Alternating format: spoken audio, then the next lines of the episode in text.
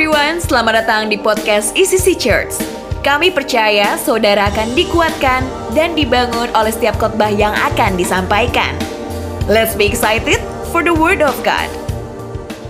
Oke, selamat siang ECC. Apa kabar semuanya? Aman semua aman. Siapa firman Tuhan ya? Boleh bilang kiri kanannya firman ini pasti buat kamu. Dan pastinya buat saya juga. Oke, senang banget bisa sharing lagi. Uh, sebelum saya masuk ke firman Tuhan, saya mau kasih uh, intro sedikit karena di bulan ini kita memasuki tema yang baru. Tadi kita udah lihat uh, trailernya ya. Uh, kita masuk di bulan April dan Mei ke dalam tema yang baru, yaitu the power to get wealth. Oke, kekuatan untuk memperoleh kemakmuran. Dan uh, artinya sama dua bulan ke depan kita bakal banyak ngomongin soal finance. Oke okay, soal keuangan, uh, mungkin kita bakal bahas uh, caranya bebas hutang, caranya uh, pengelolaan keuangan yang baik, uh, soal soal memberi, soal bahayanya pay later mungkin ya, apa pun itu, pokoknya soal keuangan kita bahas semua. Oke, okay? uh, excited buat ini, buat belajar soal finance, ya? Iyalah, saya seperti semangat ya. Soalnya karena gini di luar sana. Uh, saudara enggak ya di luar sana uh, banyak juga gereja yang agak takut ngomong soal keuangan. Kenapa? Soalnya jemaatnya juga alergi kalau dengar soal uang. Begitu pastornya ngomong soal uang, langsung mukanya berubah. Apaan nih gereja ngomongin duit? Gak bener nih gereja apa ini gitu kan. Itu tuh kayak kayak kalau kita ke dokter, saudara ya. Terus dokternya kan bakal periksa tuh ya. Kita bilang, dok saya gak enak badan nih. Terus dokter bakal cek kan, dipencet nih. Oke, okay? gimana rasanya? Gak apa-apa dok. Dipencet lagi. Oke dok, gak apa-apa dok. Dipencet lagi. Aduh, aduh, aduh, aduh sakit-sakit. Dokternya bingung. Kenapa sakit? Harusnya dipencet di sini nggak sakit nih. Wah berarti ada yang nggak bener nih. Nanti kita periksa lebih dalam. Kalau perlu kita operasi ya. Kita kita benerin nih apa yang salah dalam. Terus kita pasiennya tersinggung. Wih dokter nih gimana sih? Udah tahu sakit. Wah dipencet-pencet. Mau dioperasi lagi. Wah ini dokter nggak bener. Saya nggak mau ke dokter lagi. you know, there's nothing wrong with the doctor. You know, the problem is with you, right? Sama kalau kita kalau kita ke ke gereja, terus udah gitu ada suatu topik yang diangkat dan kita tersinggung di situ. I think the problem is not with the church. The problem is with us. Oke, okay? karena harusnya nggak sakit kalau dipencet di situ. Ya kan, Pastor Nawal selalu bilang bagian yang kalau dipegang sakit, berarti itu area yang di mana kita harus izinkan Tuhan buat mengoperasi hidup kita di situ, hati kita di situ, supaya sembuh, supaya nggak sakit lagi. Amin. So kita percaya ngomongin soal keuangan nggak tabu dan pasti justru Tuhan itu rindu kita punya kehidupan yang sehat di semua area. Amin.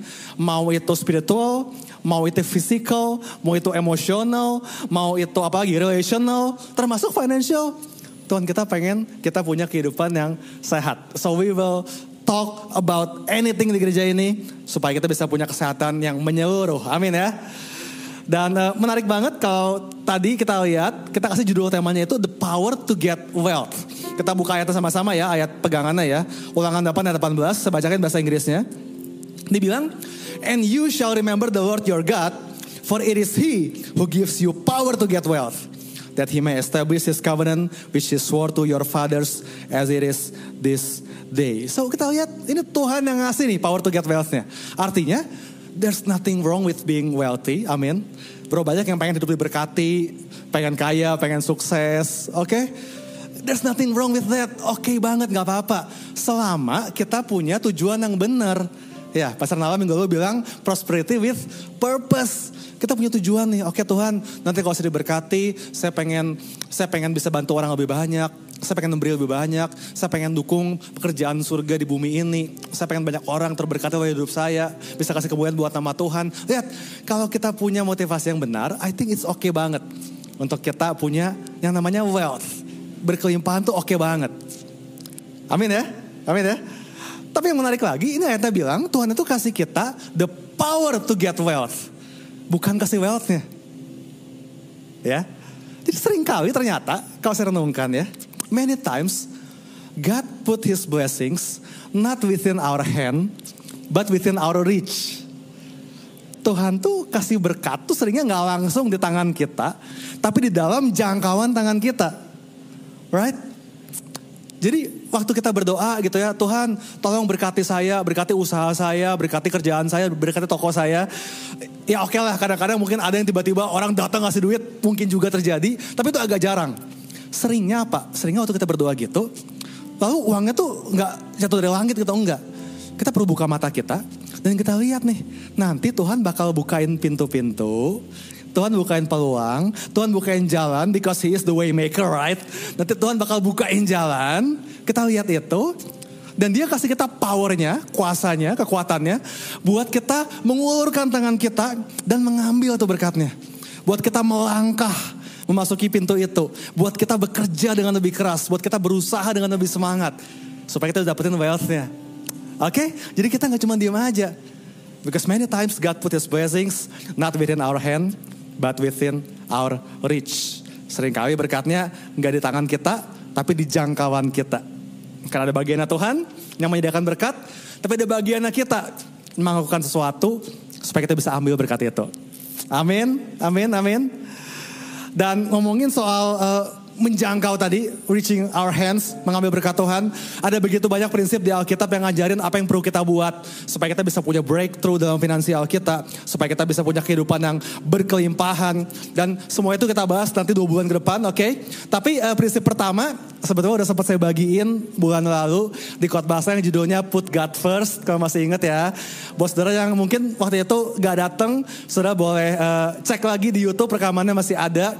Uh, waktu itu saya mengajar tentang pentingnya kita menempatkan Tuhan sebagai yang utama dalam hidup. I think ini kunci pertama banget. Karena area di mana kita menempatkan Tuhan sebagai yang utama, area itulah yang akan Tuhan berkati. Termasuk area finansial kita. Oke, jadi kalau keuangan kita pengen diberkati, taruh Tuhan yang utama di situ. Oke ya, nanti saudara kalau misalnya bingung, emang itu gimana sih prakteknya? Saudara bisa cek lagi nanti rekamannya di YouTube. Tapi uh, hari ini saya mau bahas tentang prinsip yang berikutnya dalam hal finance, oke? Okay? Jadi satu kata yang namanya generosity. Boleh bilang generosity? Oke, okay. kemurahan hati ya generosity itu ya. Saya kasih judul uh, sharingnya The World of the Generous. Asik. Oke, okay, uh, saya tahu muka-mukanya di sini kebanyakan uh, ibu-ibu pecinta drakor ya. Uh, beberapa waktu yang lalu sempat hits banget satu serial di Netflix yang judulnya The World of the Married. Ada yang nonton? Pedikit banget ah pura-pura pada suka dakor semua pasti mukanya nih.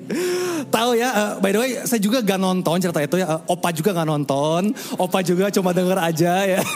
ya mian-mian semua opa gak nonton. Uh, tapi Tapi katanya tuh bagus banget, hits banget uh, menceritakan lika-liku kehidupan pernikahan, the world of the married. Oke, okay? but hari ini kita mau belajar tentang satu dunia yang gak kalah serunya, yaitu the world of the generous. Dunianya orang-orang yang uh, murah hati. Oke, okay? kita lihat apa yang kita bilang soal ini di Amsal 11 ayat 24 sampai 25. Dibilang, the world of the generous gets larger and larger. The world of the stingy gets smaller and smaller. The one who blesses others is abundantly blessed. Those who help others are help. Wow. Ternyata firman Tuhan bilang, besar kecil dunia kita ditentukan oleh kemurahan hati kita.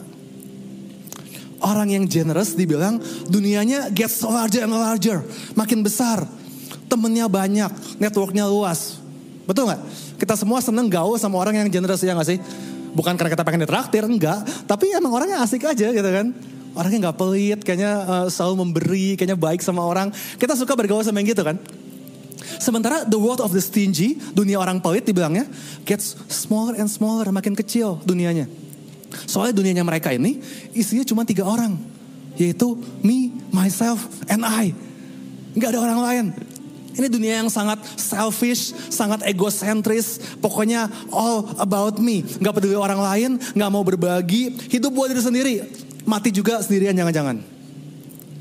Oke, okay? jadi kita lihat besar kecil dunia kita ditentukan oleh generosity-nya kita, kemurahan hati kita. Di ruangannya saya percaya kita semua pengen punya kehidupan yang makin besar, amin.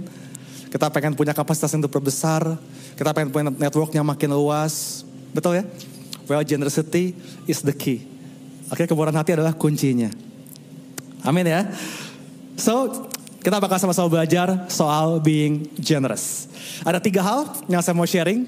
Apa yang perlu kita ketahui tentang generosity? Yang pertama, siap ya siap ya. Yang pertama, generosity is our identity. Boleh bilang identity.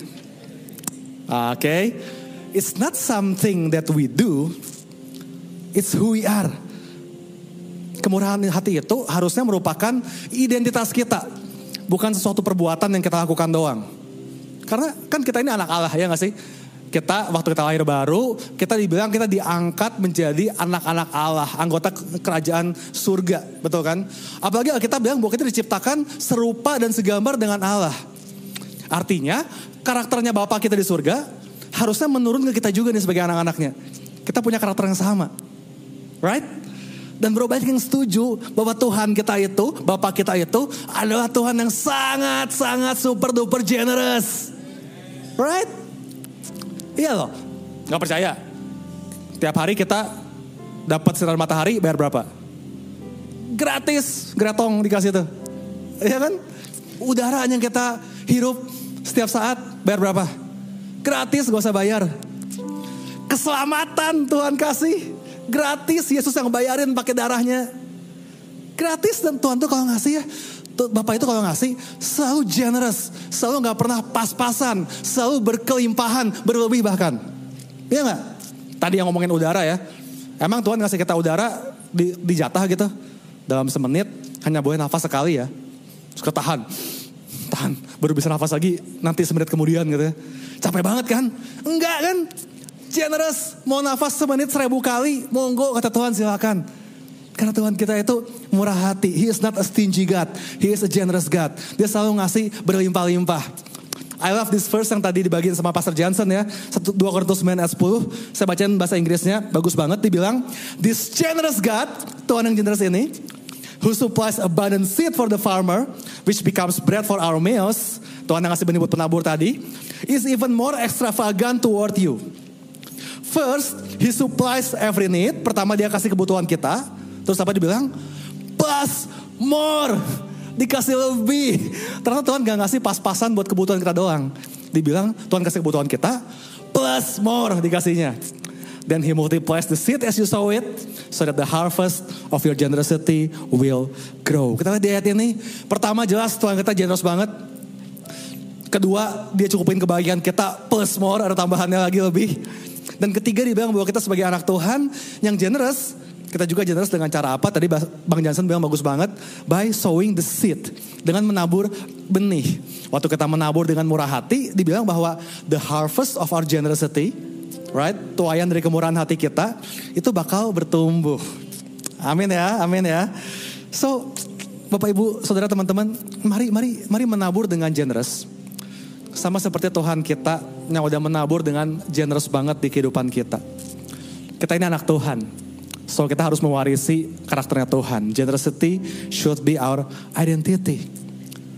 Waktu kita ngasih sesuatu nanti ke temennya mungkin siang kita kasih something buat teman kita dan orang nanya, wih baik banget dalam rangka apa nih? Kita bisa bilang nggak dalam rangka apa-apa. Pengen ngasih aja, gue emang gitu orangnya. Asik, gue emang generous soalnya. Gitu kan? Jangan heran kalau ditraktir sama gue, gue emang gitu orangnya, suka traktir. Kalau misalnya dikasih hadiah, jangan langsung baper. Gue emang gitu orangnya, gue emang suka ngasih. Oke? okay? Generosity is our identity. This is not something that we do, this is who we are. Oke? Okay? Boleh bilang kiri kanannya, gue emang gitu orangnya. It's fun to be generous. Amin. The world of the generous. Apa? Gets larger and larger. Dunia orang yang murah hati semakin besar, semakin fun, semakin menyenangkan. So itu yang pertama. Yang kedua ya. Yang kedua, generosity is our mentality. Katakan mentality. Oke, okay?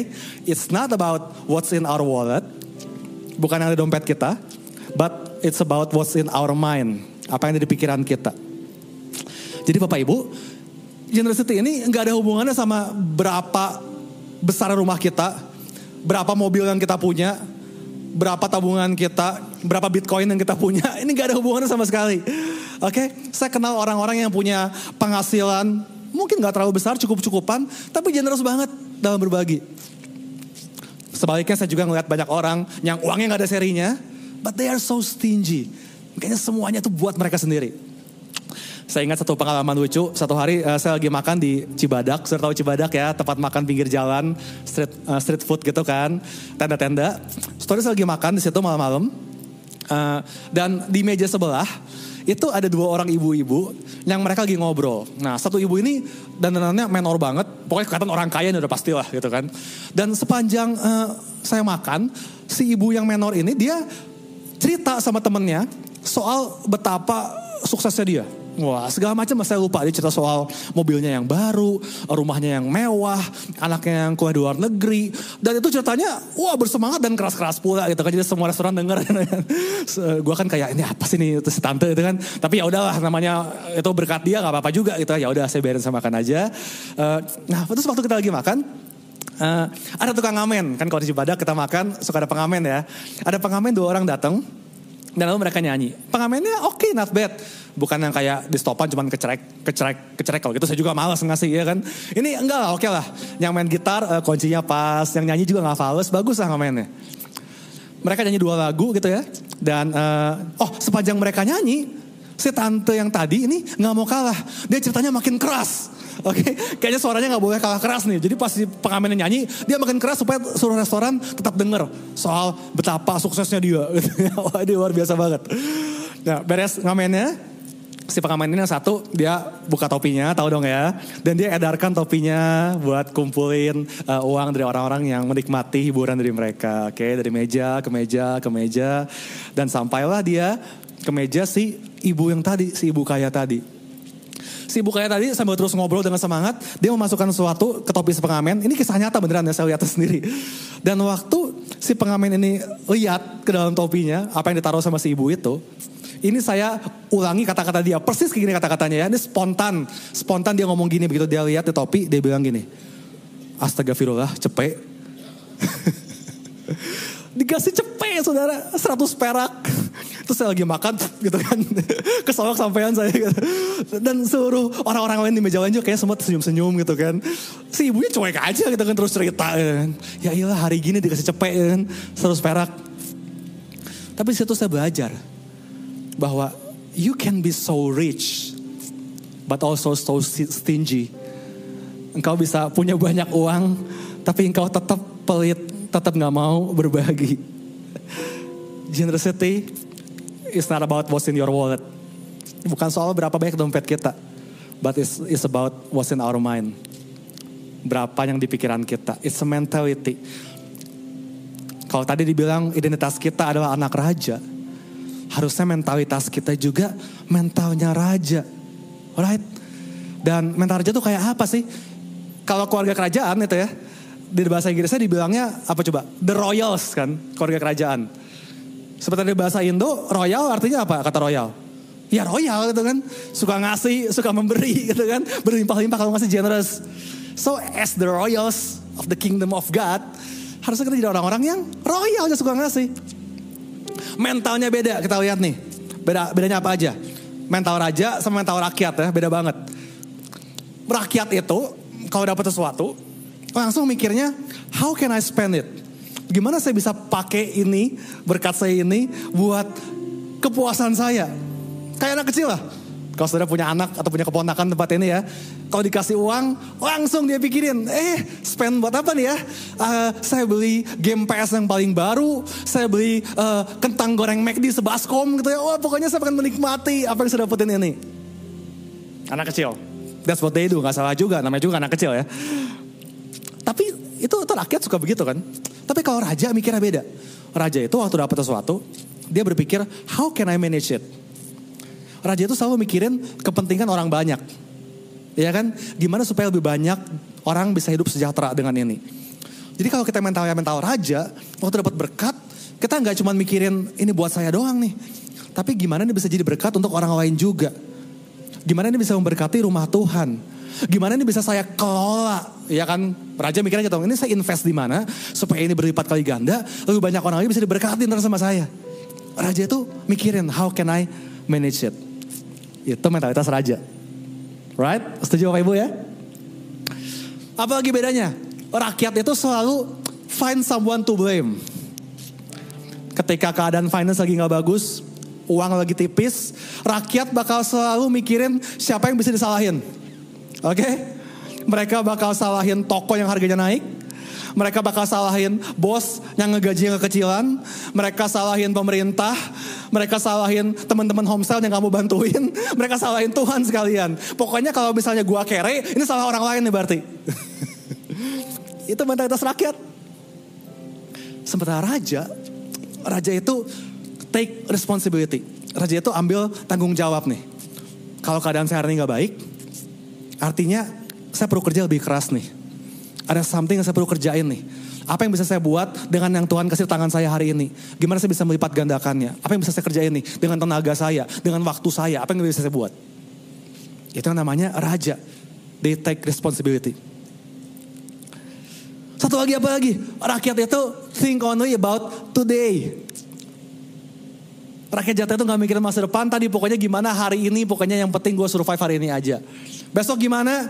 Iya gimana besok sebelum saya full time di ICC saya ingat uh, saya dulu kerja di pabrik kebetulan saya jadi direkturnya pabrik kecil gitu ya terus uh, saya punya karyawan yang tiap bulan kerjaannya kasbon. Saudara yang punya perusahaan mungkin pernah punya juga pengalaman seperti ini ya.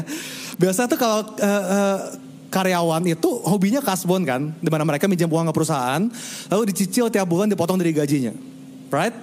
Dan biasanya seringnya sebelum cicilan yang pertama ini habis, apa yang terjadi? Mereka udah buka kasbon lagi, bener kan?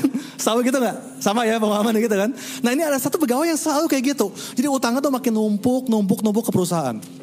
Jadi suatu hari dia datang sama saya dan bilang, bos, saya mau kasbon lagi nih. Waduh, saya udah agak gelisah nih kan. Ini orang utang udah gede banget soalnya. Saya tanya ke dia, Pak, maaf nih, memang Bapak mau kasbonnya buat apa? Saya tanya.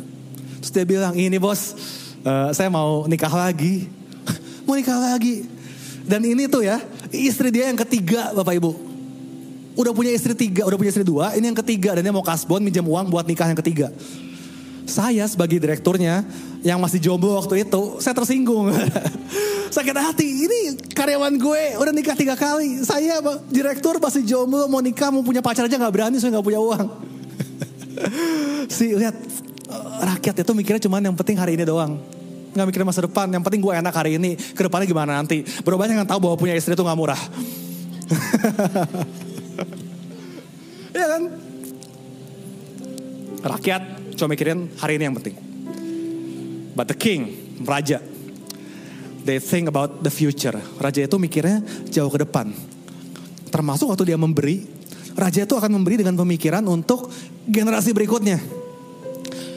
Lihat contoh dari seorang raja one of the greatest king that ever lived yang namanya King David, Raja Daud. Apa yang dia buat? Waktu dia mau memberi untuk rumah Tuhan waktu itu. Good banget. Surat Tawari 29 ayat 1 sampai 5. Berkatalah Daud kepada segenap jemaah itu, Salomo, anakku yang satu yang dipilih Allah, adalah masih muda dan kurang berpengalaman. Sedang pekerjaan ini besar, sebab bukan untuk manusia, bait itu, mainkan untuk Tuhan Allah. Dengan segenap kemampuan, aku telah mengadakan persediaan untuk rumah Allahku, yakni emas untuk barang-barang emas, perak untuk barang-barang perak, tembaga untuk barang-barang tembaga, besi untuk barang-barang besi, dan kayu untuk barang-barang kayu. Batu permata syoham dan permata tatahan, batu hitam dan batu permata yang berwarna-warna, dan segala macam batu-batu mahal dan sangat banyak pualam. Ayat 3, lagi pula oleh karena cintaku kepada rumah Allahku. Maka sebagai tambahan pada segala yang telah aku sediakan bagi rumah kudus, aku dengan ini memberikan kepada rumah Allahku dari emas dan perak kepunyaanku sendiri. 3000 talenta emas dari emas Ofir dan 7000 talenta perak murni untuk menyaut dinding ruangan. Yakni emas untuk barang-barang emas dan perak untuk barang-barang perak dan untuk segala yang dikerjakan oleh tukang-tukang. Maka siapakah pada hari ini yang akan memberikan persembahan kepada Tuhan? Wow. Saudara, saya coba research, saya coba googling, cari artikelnya. Ternyata pemberian Daud yang tadi kita baca itu, semua pemberian itu, kalau dikonversi ke nilai mata uang hari ini, nilainya berapa coba? 21 miliar dolar. Dolar Amerika ya. Dan itu berarti berapa rupiah tuh kalau dikaliin? Pokoknya banyak lah ya, udah gak kehitung. 21 miliar dolar US. So this is an extravagant, generous offering. Pemberian yang sangat generous, even buat seorang raja. Gede banget. Daud itu waktu dia memberi, dia, he really went all in. Dia kasih yang terbaik. Kenapa? Pertama jelas dibilang tadi karena cintanya kepada rumah Tuhan, betul. Tapi kedua juga karena dibilang dari tadi pertama dibilang apa? Karena dia mikirin ini nanti anak saya Salomo yang bakal membangun bait Allah ini. He, he thought about the next generation. Nanti anak saya bakal repot nih kalau nggak saya bantuin. Makanya dia provide dari sekarang. That's what a king will do. King will think about the future. So Bapak Ibu Saudara, waktu kita memberi, mari kita nggak mikir coba buat hari ini aja. Let's think about the future. Mari pikirin generasi yang berikut. Berapa banyak kalau udah lihat gedung teens kita yang baru di seberang? Gila keren banget sampai pengunjung mall BTS banyak yang foto-foto di situ mereka nggak tahu tuh gereja. Keren banget soalnya. Ruang volunteer ada meja biliar, ada PS-nya, tempat anak-anak kita main. Next project kalau sudah mau saya kasih bocoran, kita bakal bangun kelas uh, kids yang baru di seberang sana di atas ruang kids yang hari ini, kelas yang baru. Oke, okay? semua ini buat apa? Buat anak cucu kita. Jadi waktu kita memberi, waktu kita terlibat, mari pikir bahwa this is for the next generation. Supaya anak kita punya tempat yang nyaman beribadah. Supaya mereka bisa datang, bawa teman-temannya buat kenal Tuhan. Makin banyak anak muda bisa kenal Tuhan. That's what a king will do. Think about the future. Think about the next generation. You see? Semua ini mentalitas seorang raja. Dan buat punya cara pikir kayak gini, nggak usah nunggu kaya dulu, saudara. Ini ngomongin mental kita. Kalau kita bilang bahwa, oh iya pastor, nanti kalau saya udah banyak duit, saya bakal generous deh. Well, kemungkinan cuma dua. Pertama, Anda nggak akan pernah kaya, oke? Okay? Karena mentalnya juga udah mental miskin soalnya. Atau kedua, Anda mungkin kaya, tapi meskipun Anda kaya, Anda tetap pelit, tetap stingy. Karena generous itu nggak tergantung berapa yang di dompet kita. Generous itu tergantung dari cara pikir kita, mental kita. Oke, okay? it's not about what's in our wallet, it's about what's in our mind. Generosity is our mentality. Itu poin yang kedua. Amin. Masih semangat buat poin yang ketiga terakhir? Satu lagi ya, on ya. Oke, tadi yang pertama generosity itu identity, yang kedua itu adalah mentality, yang ketiga generosity is our opportunity. Oke, okay? it's not losing, it's gaining. Orang yang generous akan melihat giving ini sebagai sebuah kesempatan. Kesempatan buat apa? Yang pertama kesempatan buat contribute, buat kontribusi. Kan tadi lihat Daud ya, dia tahu dia mau bangun bait Allah nih. Terus Tuhan bilang kalau kita baca Tuhan bilang enggak bukan kamu yang bakal bangun karena tangan kamu berumuran darah.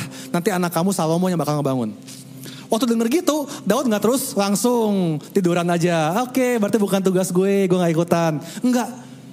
Daud pikir tapi saya pengen tetap kontribusi nih gimana ya. Oke saya bakal siapin yang terbaik buat Salomo. Saya bakal bantu apa yang saya bisa hari ini. Nanti Salomo yang bangun biarin. Tapi saya siapin buat dia. Sih Hari ini mungkin gak semua dari kita terpanggil buat berkhotbah di panggung. Mungkin gak semua dari kita terpanggil buat pergi ke luar kota pelayanan misi ke daerah-daerah. Mungkin enggak. But you know what? Your money can go there. Pemberian kita bisa pergi ke sana. Mungkin secara fisik kita nggak ke sini, nggak ke sana, nggak ke kota itu. Tapi pemberian kita mewakili kita di sana. Secara fisik mungkin kita nggak berkhotbah, tapi pemberian kita itu bisa ikut berbicara buat generasi ini. Right? So let's contribute. Generosity is our opportunity to contribute, berkontribusi buat pekerjaan Tuhan di bumi ini. Amin. Kemudian apa lagi? Generosity is an opportunity to inspire. Ini kesempatan kita buat menginspirasi, memberikan dampak, memberikan influence. Soalnya tahu nggak bahwa generosity itu menular?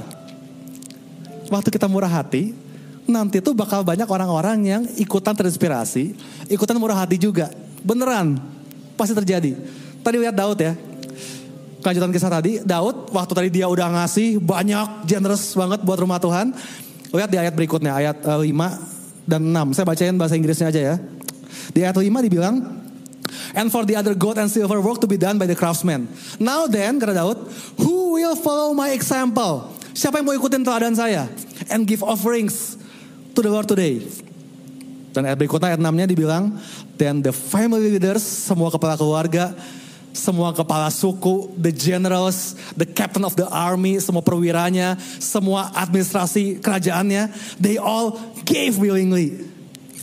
Ketika mereka semua ngeliat, iya rajanya, Raja Daud ngasih generous banget. Kita juga ikut, kita juga pengen terlibat juga, kita juga ngasih juga. Isn't it great bahwa di tengah dunia yang semakin egois ini, dunia yang semakin selfish ini, ternyata apa yang kita buat, kemurahan hati kita itu bisa menginspirasi orang lain.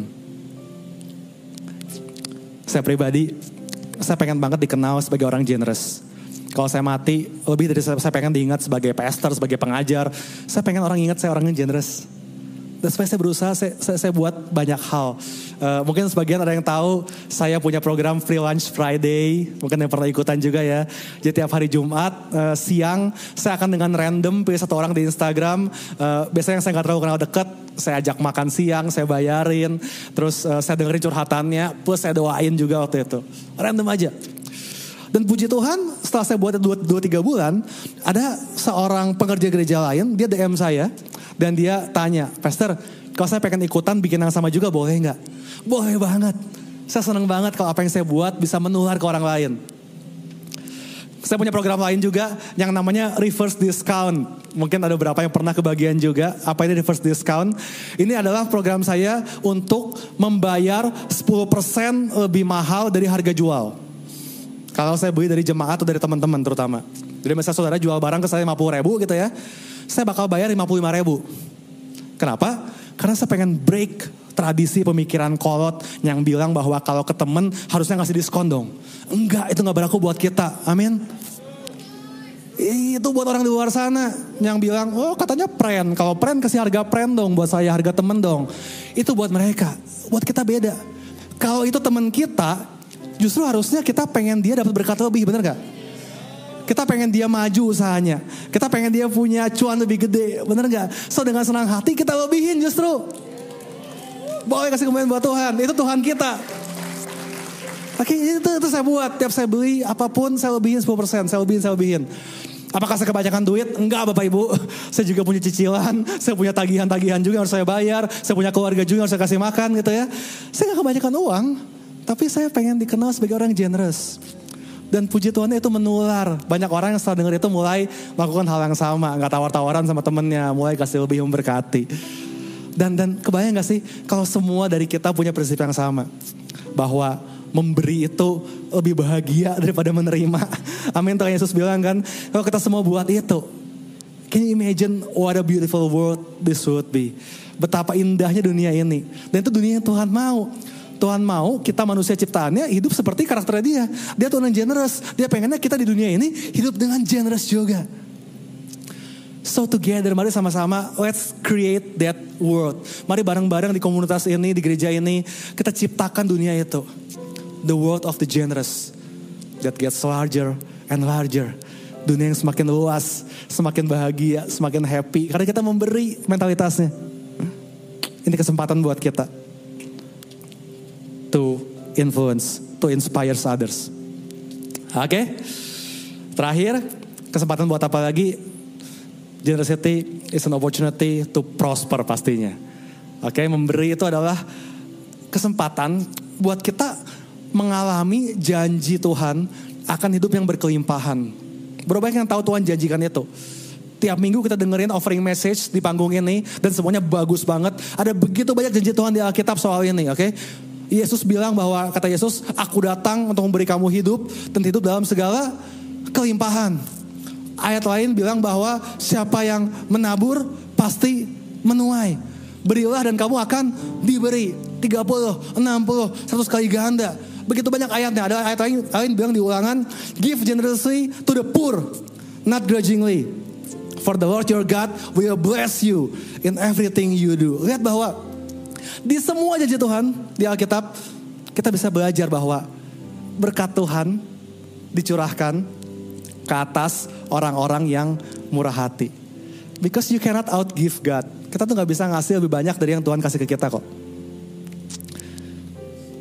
Raja Salomo setelah dia menggantikan Daud ayahnya, kita lihat apa yang dia buat. Setelah Raja 3 ayat 4. Dibilang di sini, pada suatu hari Raja Salomo ya, pergi ke Gibeon untuk mempersembahkan korban. Sebab di situlah bukit pengorbanan yang paling besar. Seribu korban bakaran dipersembahkan Salomo di atas mesbah itu. Wow, ini lagi-lagi pemberian yang generous banget. Salomo belajar kan, dia lihat ayahnya Daud memberi dengan generous. Dan tadi ya, karakter bapak turun ke anak. Salomo juga bilang, oke okay, saya juga mau jadi orang yang generous. Jadi harusnya ngasih korban cukup satu, Salomo kasih seribu nih gue kasih korban yang gak tanggung-tanggung. Saya mau ngasih yang generous buat Tuhan, kata Salomo. Dan lihat apa yang terjadi. Tepat satu ayat sudahnya. Ayat limanya dibilang, di Gibeon itu Tuhan menampakkan diri kepada Salomo dalam mimpi pada waktu malam. Berfirmanlah Allah, mintalah apa yang hendak berikan kepadamu. Di malam yang sama, waktu Salomo ngasih generously, Tuhan datangi dia dan Tuhan tanya ke Salomo, what do you want? Dan kita tahu Salomo minta apa? Dia minta hikmat. And the rest is history. Kita tahu Salomo gak cuma jadi orang paling berhikmat sepanjang masa. Dia juga jadi salah satu raja paling kaya sepanjang masa. Because you cannot outgive God. Generosity is not losing. Generosity is gaining. Saat kita menjadi pribadi yang generous, maka Tuhan kita akan mempercayakan jauh lebih banyak lagi hal kepada kita. The world of the generous gets larger and larger. Dunia kita semakin besar, semakin besar. Dan di sini bagus banget kalau Anda mau bilang amin. Oke, amin ya. Sudah diberkati. That's it Bapak Ibu. Kita rekap bareng-bareng ya tentang kemurahan hati. Pertama, generosity is our identity. Oke, okay? it's not something that we do, it's who we are. Tuhan kita generous, kita anak-anaknya pun perlu generous. Oke. Okay? Yang kedua, generosity is our mentality. Ini it's not about what's in our wallet, it's about what's in our mind. Generous gak bicara soal berapa yang kita punya hari ini, tapi cara pikir kita, mentalitas kita. Dan terakhir generosity is our opportunity. It's not losing, it's gaining. Waktu kita generous, kita nggak lagi kehilangan sesuatu. Justru kita lagi dapat kesempatan buat mengalami janji Tuhan yang besar dalam kehidupan kita. Amin. Wow. Satu hal terakhir sebelum saya tutup. Kita udah belajar banyak tentang generosity, pentingnya jadi generous. Tapi yang terakhir ini penting banget saudara perlu bawa pulang ini. Bahwa generosity must be driven by love. Kasih harus selalu menjadi bahan bakar kita untuk jadi orang yang generous. Daud tadi dibilang, kenapa dia generous? Dibilang, karena cintaku pada rumah Allahku. Ya kan? Because of love. Dia memberi karena kasih. Yesus waktu ngasih makan 5 ribu orang laki-laki dan sisa 12 keranjang, itu generous banget gak sih? Kenapa? Ayatnya bilang, karena hati Yesus tergerak oleh belas kasih.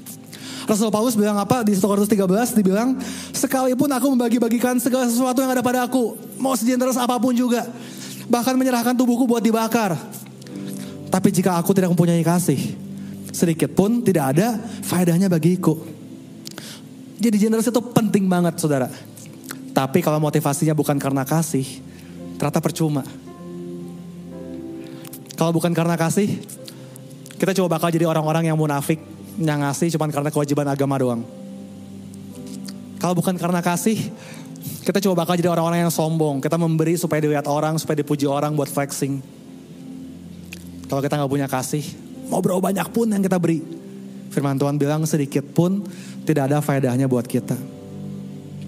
So let's be generous, but let our generosity be driven by love.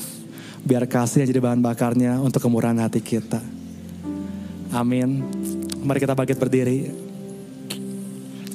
Dan mari tundukkan kepala kita sebentar.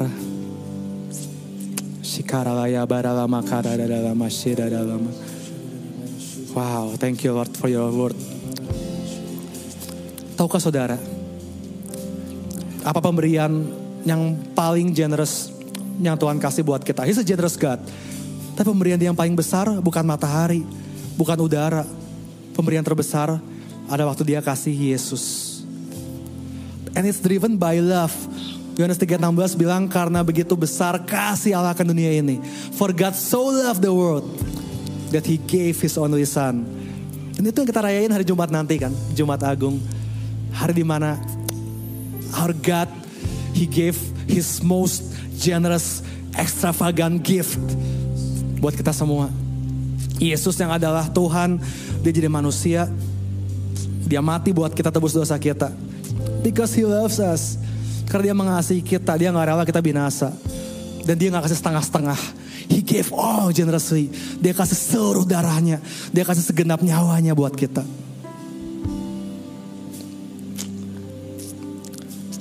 Kalau kita bisa menangkap betapa generousnya Tuhan untuk kita. Kita nggak akan susah buat generous sama orang lain. Yang bikin kita susah buat generous adalah karena kita nggak ngerasa bahwa Tuhan juga udah generous sama kita. Tapi kalau kita ngerti betapa Tuhan baik buat kita. He is so good to us.